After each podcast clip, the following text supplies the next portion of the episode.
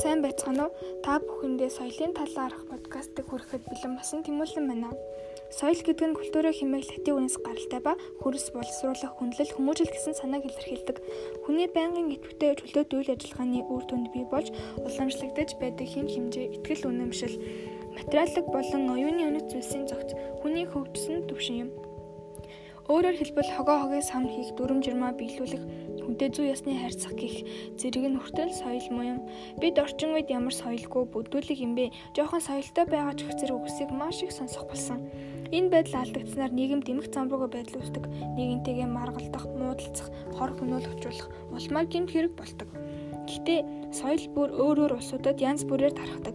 Хүмүүс өөрийн соёлын үүднээс бусад соёлд хандах, бусдын үзэл зан заншлаас айх, түүнийг үзэн ядахтай холбоотой.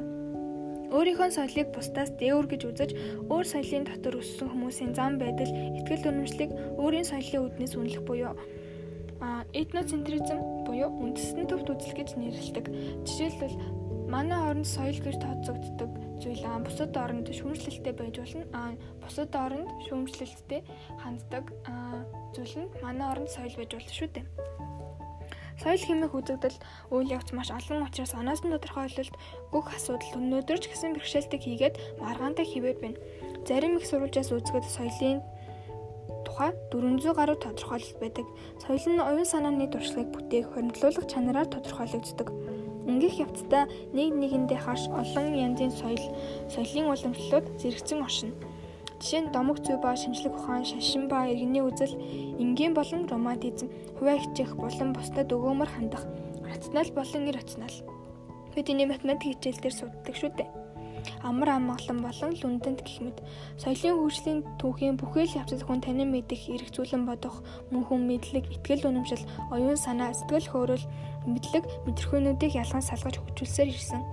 Соёлын универсализм чадварын нэг нь нийгэм соёлд үрд мартагдсан их феноменуудыг дахин сэргэдэгт оршин. Жишээ нь бид музей, уран зургийн галерей, антигравийн худалдаа гэх мэт газарт түүхийн хугацаанд хүний оюун ухаан, ур чадвараар бүтсэн эрхэм дээд бүтээлүүдийг хардаг. Хүнийг голчилж үзвэл цаг хугацаа, орон зай, ахуй амьдрал бүгд хүний амьдралд тусмагц уул мөргийн алга болдоггүй байна. Соёлын өөр нэг универсал чанар нь соёл байнга өөрийн бүхэлдэг байдлыг дүүрэн байлгахыг шаарддаг. Өөрөөр хэлбэл өөрийн универсализмыг сэргээхийг оролддог. Соёл бүр дөрүүд нь мөхөж үгүй болдоггүй, замархан үгүй болдоггүй. Гагцгүй эдгээр нь хомигддаг, бас хаагддаг. Тийм учраас эдгээр бүрдэрүүдийг нээх, идэвхжүүлэх, бүрдэрүүдийг нь соёл бүхэлдэг дотроо тодорхойлон хэрэглэхийг оролддог байна. Ийм учраас соёл мөхдөггүй, гагцгүй нэг хэсэг хугацаанд хумигдмал буюу тогтног байдалд ордог.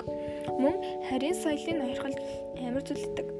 Энэ нь ялангуяа колоничлолын үед илэрхий мэдэгддэг ба өөр соёлын үнэт зүйл дэлгэрч үндэсний соёлтой холилдсноос харийн болон үндэсний соёлын хооронд зөрчил гардаг байна. Үүнийг соёлын диффуз буюу нэвчих үзэгдэлтэй хэлж болохгүй.